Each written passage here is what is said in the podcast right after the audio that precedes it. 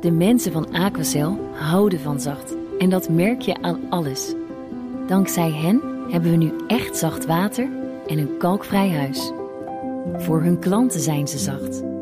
Dat zijn ze trouwens ook voor elkaar. Voor ons zijn zij de kracht van zacht. Aquacel. 100% zacht water, 100% kalkvrij. BNR Digitaal wordt gesponsord door Archie CRM Software. Nieuwsradio. BNR Digitaal. Herbert Blankenstein. Vier weken geleden hadden we het er nog over. En wat gevreesd werd, dat is gebeurd. Gehackte Internet of Things-apparaten, zoals bepaalde camera's en digitale videorecorders, hebben vorige week DDoS-aanvallen uitgevoerd. En daardoor diensten van onder andere Amazon, Twitter, Netflix en Spotify platgelegd. Is het tijd voor eisen aan de beveiliging van dit soort apparaten? Dat bespreek ik zo met Arjen Kamphuis, beveiligingsdeskundige en adviseur informatiebeveiliging bij Brunel. En mijn backup is vandaag IT-journalist Brenno de Winter. Hallo, welkom allebei. Dank je. We beginnen met het technieuws. Daarvoor is hier Ivan Verrips. Dag Ivan. Vanaf juni 2017 betalen Europeanen in Europa geen roamingkosten meer, maar providers wel aan elkaar. En daarvoor zijn vandaag de tarieven vastgesteld, dat meldt eh, persbureau Reuters. Er was altijd wat gedoe over, omdat uh, landen het een beetje oneens waren over. Ja, hè, landen die heel veel toerisme hebben, die gaan dan dus heel veel betalen. En landen die geen toerisme hebben, die gaan dan veel minder betalen. Uh -huh. uh, de komende vier jaar zullen providers 1 cent per geroomde MB bij elkaar in rekening gaan brengen. Dus als ik dan in Duitsland lekker ga door internetten, dan mag de Duitse provider 1 cent per MB vragen aan mijn Nederlandse provider. En na die vier jaar, dan moeten die bedragen nog nog, nog verder omlaag. Okay. Uh, dat moet allemaal nog door de politieke molens. Hè. De ministers moeten daarmee nog akkoord gaan. Het Europees Parlement uiteindelijk. Maar het is tenminste iets, want uh, voorheen werden die landen het daar maar niet over eens. Ja, telefoons trouwens, nu we het er toch over hebben, werden tot nu toe al maar groter. Maar er is nu ook weer een heel kleintje. Ik las vandaag dat uh, de smartwatches een beetje uit zijn. Dat de verkoop daarvan ja. gekelderd is. Um, maar, maar dit is 50% eigenlijk. omlaag. Ja, hè, precies. De, ja. Maar dit is eigenlijk een smartwatch waarmee je ook kan bellen. Zo vat ik het maar een beetje samen. Hij heeft een beetje dat, uh, die grootte ook. En die niet om um, je pols hoeft. Precies. Hij kan misschien wel om je pols. Maar dat is nou ja, ook een beetje onhandig. Het heet de V-phone. Um, en je kan er dus mee bellen. Een touchscreen schermpje van 1,54 inch. Oh, handig lijkt me dat. Bluetooth, een FM-radio, een uh, pedometer. Dus ja, je kan je stappen meten. 128 MB geheugen. Net. MB, let op.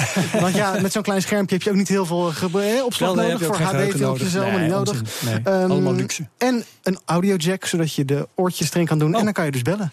iPhone-bezitters, let op. Precies. Is, uh, ja, oké. Okay. Disney zit alweer aan tafel om Twitter te kopen. Oh ja, intussen gaat Twitter wel banen schrappen. Ja, eerder was er heel veel animo voor Twitter. Uh, Google en Salesforce en toen ook al Disney. Um, maar die partijen waren toen allemaal afgehaakt. Die hadden zich teruggetrokken. Uh, onder andere Disney zou niet kunnen leven met de grove taal die er soms op Twitter te lezen is. Want Disney ja. is natuurlijk toch een beetje een kinderbedrijf. Zo hè, ja. uh, associëren de meeste mensen het. Maar goed, uh, nu zit Disney dus weer aan tafel. Het zou meerdere miljarden willen betalen. Um, de gesprekken zouden al in een vergevorderd stadium zijn. Nou, dat soort berichten hoor je natuurlijk altijd. Dus maar ja. even afwachten hoe, ver dat echt, uh, hoe, hoe, hoe dat echt zit. Maar ondertussen gaat Twitter wel deze week aankondigen honderden mensen te ontslaan. Waarschijnlijk weer zo'n 300. Net als een jaar geleden. het bedrijf dat leidt enorme verliezen. De verkoopgroei neemt af. En dus moet er op de kosten worden gesneden. Um, nou ja, wordt vervolgd. Het wordt nog aangekondigd. Als Disney de koper wordt, dan uh, komt er een, een schuttingwoordenfilter, uh, moeten we ja, vrezen. En allemaal gezellige plaatjes van uh, leuke Disney-series misschien. Ja, precies. Oké, okay, Ivan, en dankjewel. dan noemen we het Facebook. BNR Nieuwsradio. Digitaal. Herbert Blankenstein. Vier weken geleden hadden we het in BNR Digitaal nog over de serieuze beveiligingsrisico's van het Internet of Things. En die apparaten hebben inmiddels toegeslagen. Door online infrastructuurbeheerder Dyn aan te vallen, waren diensten als Amazon, Twitter, Netflix en Spotify een tijd lang slecht bereikbaar vorige week. Daarover ga ik praten met Arjen Kamphuis, adviseur informatiebeveiliging bij Brunel. Hoi, Arjen. De schaal was ongekend. Hè? Uh, er kwamen getallen voorbij van rond de 1 terabyte. Ja. Terabit pardon, per seconde. werd een behoorlijk deel van het internet platgelegd. Hoe ver kan zoiets nou gaan? Kan straks het hele internet ook plat? Grote stukken. Nou ja, er, er was een, uh, vorige maand al een artikel van uh, Bruce Schneier, een van de werelds top uh, IT-security experts, die, die zei dat hij indicaties had dat er partijen, maar hij wist niet wie het aan het testen waren, hoe goed onze anti-DDoS ja, ja. werd aan het methode internet waren. ja, toen, was. Het, hij, hij, zei het, het, lijkt op een weapons test, zeg maar. Dat was een beetje zijn analyse. dit, leek, dit, dit leek nog relatief ongericht. Mhm. He, dus dit, allerlei dingen gingen stuk, maar het was niet heel erg gericht op één ding. Maar als je dit soort middelen zou richten, bijvoorbeeld op een, een paar grote Nederlandse financiële instellingen. Dan is het inderdaad maar de vraag of betalingsverkeer op een gegeven moment nog, eh, nog goed gaat. En, en Ja. die hebben allerlei backups en redundanties ingebouwd, maar daar zitten allemaal wel grenzen aan. Ja, we hadden voorheen een probleem met spam. Dat is eh, volgens mij aardig onder controle. Ik zie er niet zo heel veel meer van. Gaat die vergelijking op? Mis- Misschien, misschien wel. Ik denk dat ook wel de vergelijking op gaat dat waar we zeg maar 15 plus jaar geleden waren met het beveiligen van PC's, of het gebrek daaraan, die op internet Ja. stonden. Dat is een beetje waar we nu zijn met dit soort apparaten. Die worden onveilig uitgeleverd en dan niet beheerd en niet gepatcht. Eh, maar het verschil is dat waar ze vroeger misschien eh, een kwart megabit upload hadden, hangen ze nu aan eh, home glasvezelnetwerken met, met 50 of 100 megabit upload. En als je dat keer een miljoen doet, ja, dan kan je dus wel dingen stuk maken. Dus je kunt niet zeggen, de wal gaat het schip wel keren. We kunnen rustig achteroverleunen. Het komt vanzelf in orde. Nee, dan moeten. Nou ja, we, de, Renault. Ja, het- ik denk doen. dat het tegendeel juist eh, is. Kijk, dit was maar een klein deel van de Internet of Things apparaten. Ehm, we hebben er veel meer en van allerlei ehm, andere kalibers. Ehm, dit kan ook nog wel een signaal zijn geweest van... kijk, dit is wat we kunnen. Ja. En er kan nog wel wat meer gaan komen. Mag, mag ik dit jullie eens voorleggen trouwens? Want het, de schuldigen waarnaar nu gewezen wordt... dat zijn bepaalde camera's en bepaalde digitale videorecorders. Wordt niet heel erg duidelijk welke dan precies.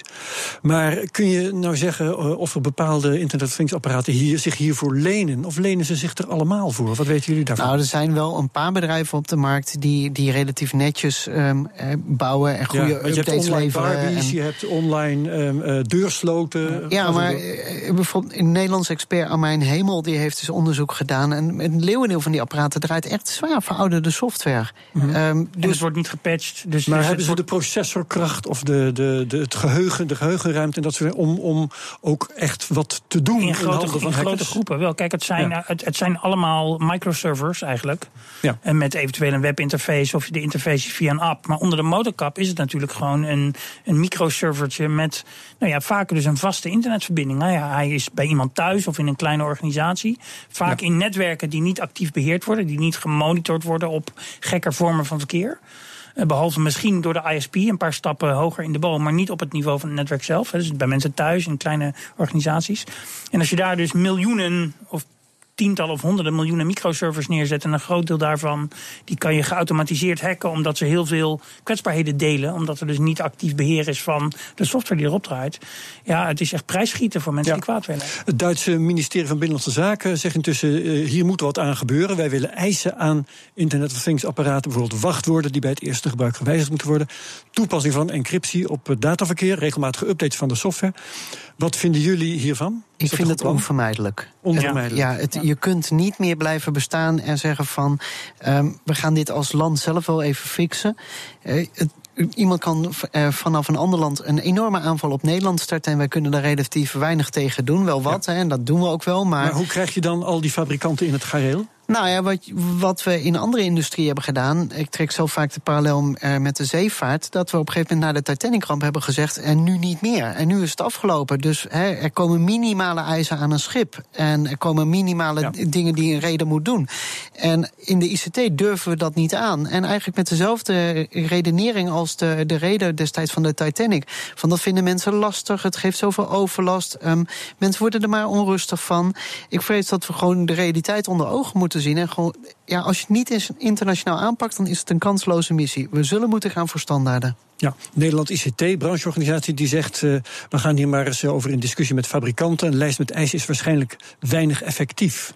Niet ben jij het waar. daarmee eens? Ja, maar dat is, ik, ik denk echt dat als je deze discussie gaat horen de komende jaren uit de hoek van de fabrikanten, dan kan je gewoon copy-pasten uit wat automakers zeiden toen hen verplicht werd om veiligheidsgordels in te gaan bouwen. Dat worden Ah, ja. letterlijk dezelfde zinnetjes. Dus gewoon heel voorspelbaar dit proces Ja, wat dat maar- betreft. Maar, maar Nederland zo'n- ICT is natuurlijk ook gewoon een fabrikantenclub. Hè? Ja. Dus eh laten we dat Maar niet de, de, vergeten. die Chinese fabrikant van die, van die camera's, Hangzhou Xongmai, als ik het goed zeg, gaat eh 4 miljoen van die IP-camera's terugroepen. Dat is een dure grap. Daar leren ze toch van. Dan gaan ze toch vanzelf de volgende dat generatie bedrijf wel, maken. maar vervolgens de andere bedrijven niet. Ja, Ja, ja. Zij maken zij- 95% van hun output is components voor andere leveranciers. In dat specifieke geval eh, in dat, bij dat bedrijf. Ja. Dus het is een vraag van al die andere leveranciers, wie zijn dat? Waar eindigen die spullen? Doen die dat dan ook netjes? Ja. Eh, dus misschien leren ze er wel wat van. Maar ik denk inderdaad hoor dat je aan de andere kant om de, de kritische infrastructuur van je land, en dat is internet geworden, om die een beetje te kunnen beveiligen, moet je gewoon eisen gaan stellen aan spullen die daarop mogen. We hebben het uh, Nederlands Cyber, Nationaal Cyber Security Centrum om een reactie gevraagd. En deze club die vindt dat Duitse initiatief goed. Uh, en, en en, sorry, NSCS, nee, ja. NCSC. Ja. Typfout in het draaiboek. De NCSC wijst op dat uh, een internationale aanpak nodig is. Ze pleiten voor regels, normen en standaarden... die dan door zoveel mogelijk landen moeten worden onderschreven. Wie moet het initiatief nemen voor zo'n verdrag? Nou, kijk, landen kunnen zelf het initiatief nemen, maar je moet het eigenlijk op een VN-niveau uh, op een gegeven moment gaan doen. Uh, dat is bijvoorbeeld ja. in de zeevaart ook gebeurd. En er zal dan een, een eigenstandig lichaam ooit moeten worden opgericht, die dan zeg maar, ook zo'n verdrag bewaakt aan één kant. En aan de andere kant ook blijft kijken van, is dat nog steeds up-to-date? Het gaat Wij... jaren duren voor zo'n verdrag er is, hè? Ja, dat, nou ja, dat hoeft niet. Hè. Als, uh, bijvoorbeeld na de Titanic was het twee, binnen twee jaar gewoon operationeel. Dus het is wel een kwestie van willen. En okay. um, zolang natuurlijk leveranciers blijven roepen, moeten we niet doen, dan gaat het niet beter worden. Bedankt Arjen Kamphuis en Brenno Winter. We gaan zo direct in dezelfde opstelling verder over het hacken van de Amerikaanse presidentsverkiezingen.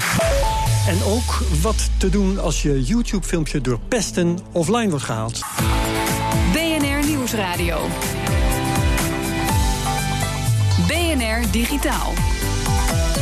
Als je op YouTube rechten schendt, dan wordt je filmpje offline gehaald. Dat is logisch. Maar wat doe je als je filmpje onterecht offline wordt gehaald?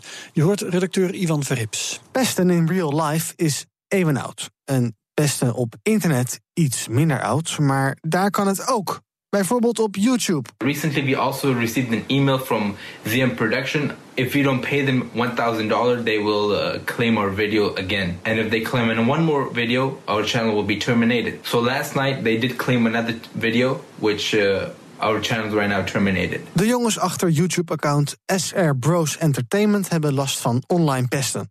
Iemand claimt namelijk dat de video's van deze jongens inbreuk maken op rechten van anderen, terwijl dat niet het geval is.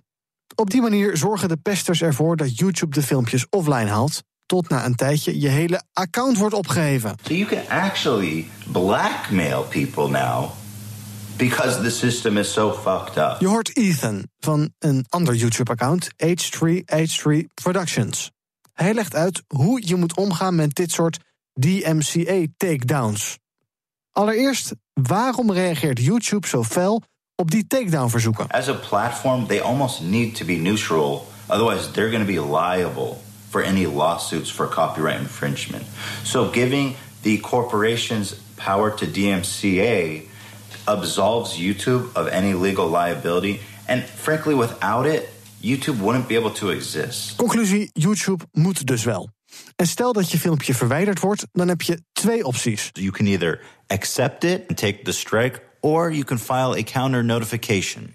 Now, one of the problems here is that people always get way too spooked to file the counter notification because the language is so strongly worded. Saying such things as, I swear under perjury that everything I'm saying is true, and I acknowledge that if I abuse this form, it will result in the termination of my YouTube channel. De boodschap van Ethan is: laat je niet bang maken door serieuze en juridische taal, want YouTube moet wel.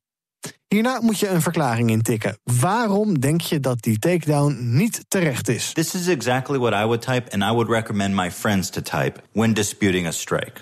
This video is fair use under US copyright law because it is transformative in nature, uses no more of the original than necessary, and has no negative effect on the market for the original work. Furthermore, this video is protected speech as outlined by the First Amendment of the United States Constitution. Dat stukje tekst Dat is wat YouTube wil zien. So at this point, the only two outcomes is that the video will be back. In 10 to 14 days, it's going to be back up. Your strike rule will be removed. And the only other way that a person can pursue you further to remove the video at this point is to sue you. Een uitgebreide handleiding over hoe je moet omgaan met door YouTube offline gehaalde filmpjes, die vind je op bnr.nl/slash digitaal. BNR Nieuwsradio. Herbert Blankenstein. Amerikaanse presidentsverkiezingen komen eraan en dat weten de hackers ook. Eind september werd al bekend dat in 20 staten van de VS verkiezingssystemen zijn aangevallen. In sommige gevallen succesvol. Waar liggen de risico's bij deze verkiezingen? Arjen Kamphuis die zat in de commissie van Beek, die stemcomputers in Nederland onderzocht.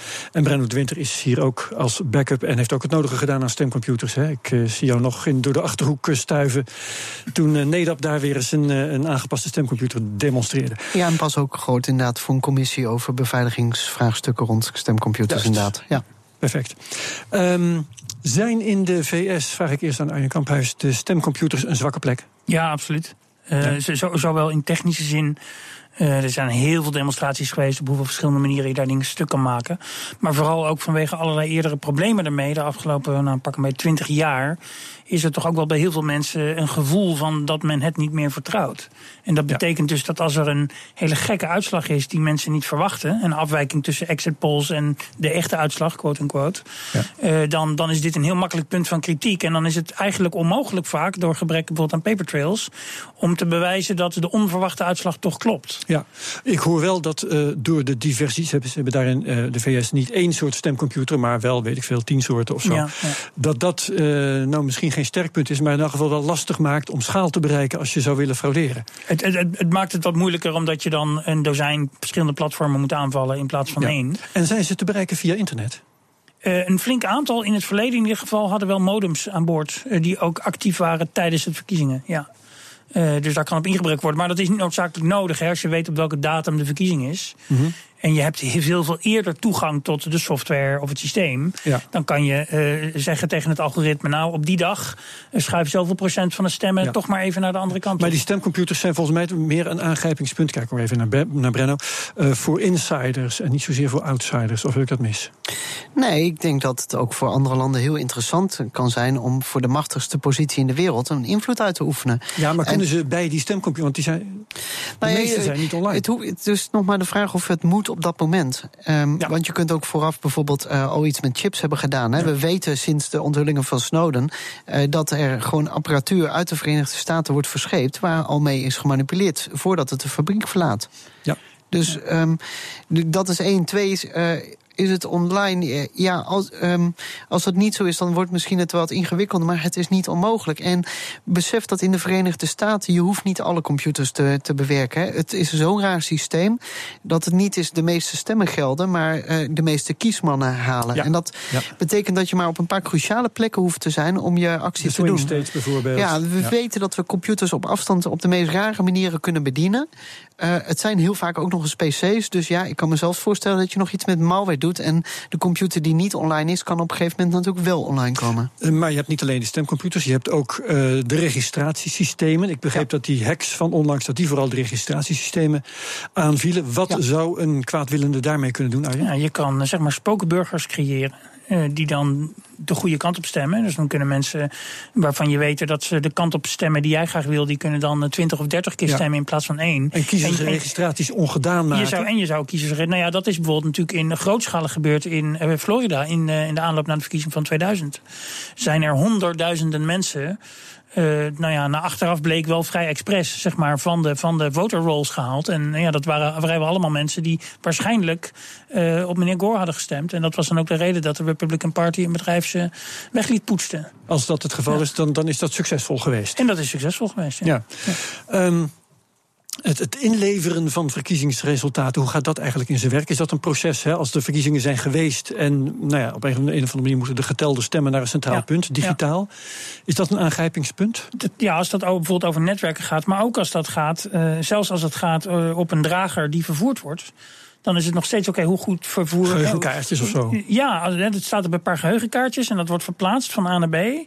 Eh, is dat goed En- en beveiligd? gebeurt dat ook inderdaad? Ja, ja, dus er zijn allerlei. Om, juist omdat er inderdaad zo'n zo'n eh, zo'n dierentuin is aan verschillende systemen. Bijna alles wat je kan verzinnen komt wel ergens voor. Hele ouderwetse geheugenkaartjes zijn er. PCM, Eh, CIA eh, komt volgens ja, mij ook ja nog misschien voor. wel. Eh, ja, ja, ook, eh, ja, sommige van die systemen zijn ook wat creditcardvormige- 15 jaar of 20 jaar oud. Ja. Nou ja, Maar, maar daardoor ook kwetsbaar als je maar weet wat je doet. Brenno? Nou ja, en eh, kijk, we hebben nu dus ook een presidentskandidaat die zegt: als ik niet win, dan vertrouw ik de uitslagen niet. Ehm, dat betekent dus dat als hij verliest en eh, ergens zit een discrepantie tussen zeg maar, wat die printerrol heeft uitgeprint, hè, want dat is meestal in Amerika nog wel het geval dat het zo'n printerrol is, en de, de stemmen zeg maar, in het digitale systeem, dan heb je een dijk van een probleem. En dan kun je wel zeggen: ja, maar de printerrol telt. Eh, dat is nog maar de vraag. Ja. Daar kun je Nou ja, heel waar lang over debatteren. voor? Eh, De, de paper trail, hè, dat is waar jij het over hebt. Nou ja, maar dan heb je een niet kloppend systeem. En dan heb je toch twee partijen waarvan eh, verkiezingen draaien om het overtuigen van de verliezer. Want de winnaar gelooft wel dat hij gewonnen heeft. Ja. Hè, dus, dus uiteindelijk is dan het probleem dat je nou een, groep, een grote groep mensen hebt, in ieder geval 40% van de Amerikanen, die dus dan denken dat hun president is weggekaapt. Dat is wel, dat is wel echt. Ja, Nou, dat is wel de basis voor gewelddadige, nou ja, gewelddadige situaties in potentie. Zeg maar. Als, als Ja. een significante minderheid van de bevolking niet gelooft in de uitslag. En daarmee, en daarmee in de legitimiteit van een nieuwe regering. En dan heb je een, dan heb je een vrij fundamenteel probleem. En het, het erge is door zeg maar, de ontstaande situatie, ook in deze campagne. en alle haat en nijd en alle geruchten. is als iemand, een, een een of andere partij, laten we even voor de gek zeggen dat het uit het buitenland komt, maar dat hoeft niet eens. Maar een partij wil dit proces beïnvloeden. Je hoeft niet eens een echte manipulatie te doen. Het enige wat je moet doen is een groep mensen te laten geloven dat het gebeurd Ja, is. ja, ja, ja. En versp- Het effectief verspreiden van geruchten. Eh, op, een, op, een, op een manier die dan geloofwaardig is voor een bepaalde groep, kan al voldoende zijn om een sfeer te creëren waarbij er En dat, relletjes en ontstaan. dat wantrouwen is er natuurlijk nu al, nadat we weten wat er met Bernie Sanders is gebeurd. Hè. Er zijn al in deze hele procedure al hele rare dingen gebeurd. Dus ook door in de alle voorverkiezingen. partijen. Ja, in de Ja, voorverkiezingen. Dus het is natuurlijk in beide partijen. Maar dit maakt het dus wel heel problematisch. En in hoeverre spelen de Russen een rol, eh, Arjen? Ik heb geen enkel. Het wordt heel veel gezegd. Ik heb er geen enkel bewijs voor gezien. En ik zou willen dat inderdaad de mensen die dit steeds Ja. roepen dat ze dat weten. Ja, put up or shut up. Weet je, laat een bewijs zien. Ja. Of hou erover op. Want anders kunnen we het ook even inderdaad over dat- Liechtenstein of Andorra. Ja, Zijn er eigenlijk waarnemers die deze. Dus nu praat je bijna over een derde wereldland. Maar zijn er waarnemers die dit verkiezingsproces in de gaten houden. en daar misschien achteraf een stempel goedgekeurd op kunnen zetten? Nou, ik weet wel dat de Carter Center is een van die organisaties die wereldwijd dit soort monitoring doet. Maar het is altijd een heel teer punt als ze dat in hun eigen Ja, land gaan Carter als in Jimmy Carter. Ja, ja, de, de Ja. voormalige president. eh, die, heeft een, die heeft een organisatie. En een van de dingen die hij doet is eh, election monitoring over de hele wereld. Maar meestal niet in Amerika, gek genoeg. Ja, en het is wel vrij problematisch natuurlijk als dat dan achteraf gebeurt. Want dan kan het feest dus over, eh, of opnieuw... of je hebt opeens een president in de VS zitten... die daar echt eigenlijk niet hoort te zitten. Ja, dat maakt het allemaal heel erg ingewikkeld. En nogmaals, het is niet, eh, niet een irrelevant land. Dus het is wel... Nee, Een statement van vandaag. ja, graag gedaan. Maar, dus het is wel heel problematisch. Oké, we hebben een problematische situatie. Mooier kunnen we het niet maken vandaag. Ik dank kunnen er nog heel vaak over terug. vaste- ja, precies. We gaan, maar ja, niet voor eh, 9 november. Nee. Eh, dank Brenno de Winter, mijn backup. Dank Arjan Kamphuis van Brunel. En de uitzending terugluisteren, eh, hoe problematisch die ook was... kan via de BNR-app en of bnr.nl slash digitaal. Tot volgende week. BNR Digitaal wordt gesponsord door Archie CRM Software. De mensen van Aquacel houden van zacht. En dat merk je aan alles. Dankzij hen hebben we nu echt zacht water en een kalkvrij huis. Voor hun klanten zijn ze zacht. Dat zijn ze trouwens ook voor elkaar. Voor ons zijn zij de kracht van zacht. Aquacel. 100% zacht water, 100% kalkvrij.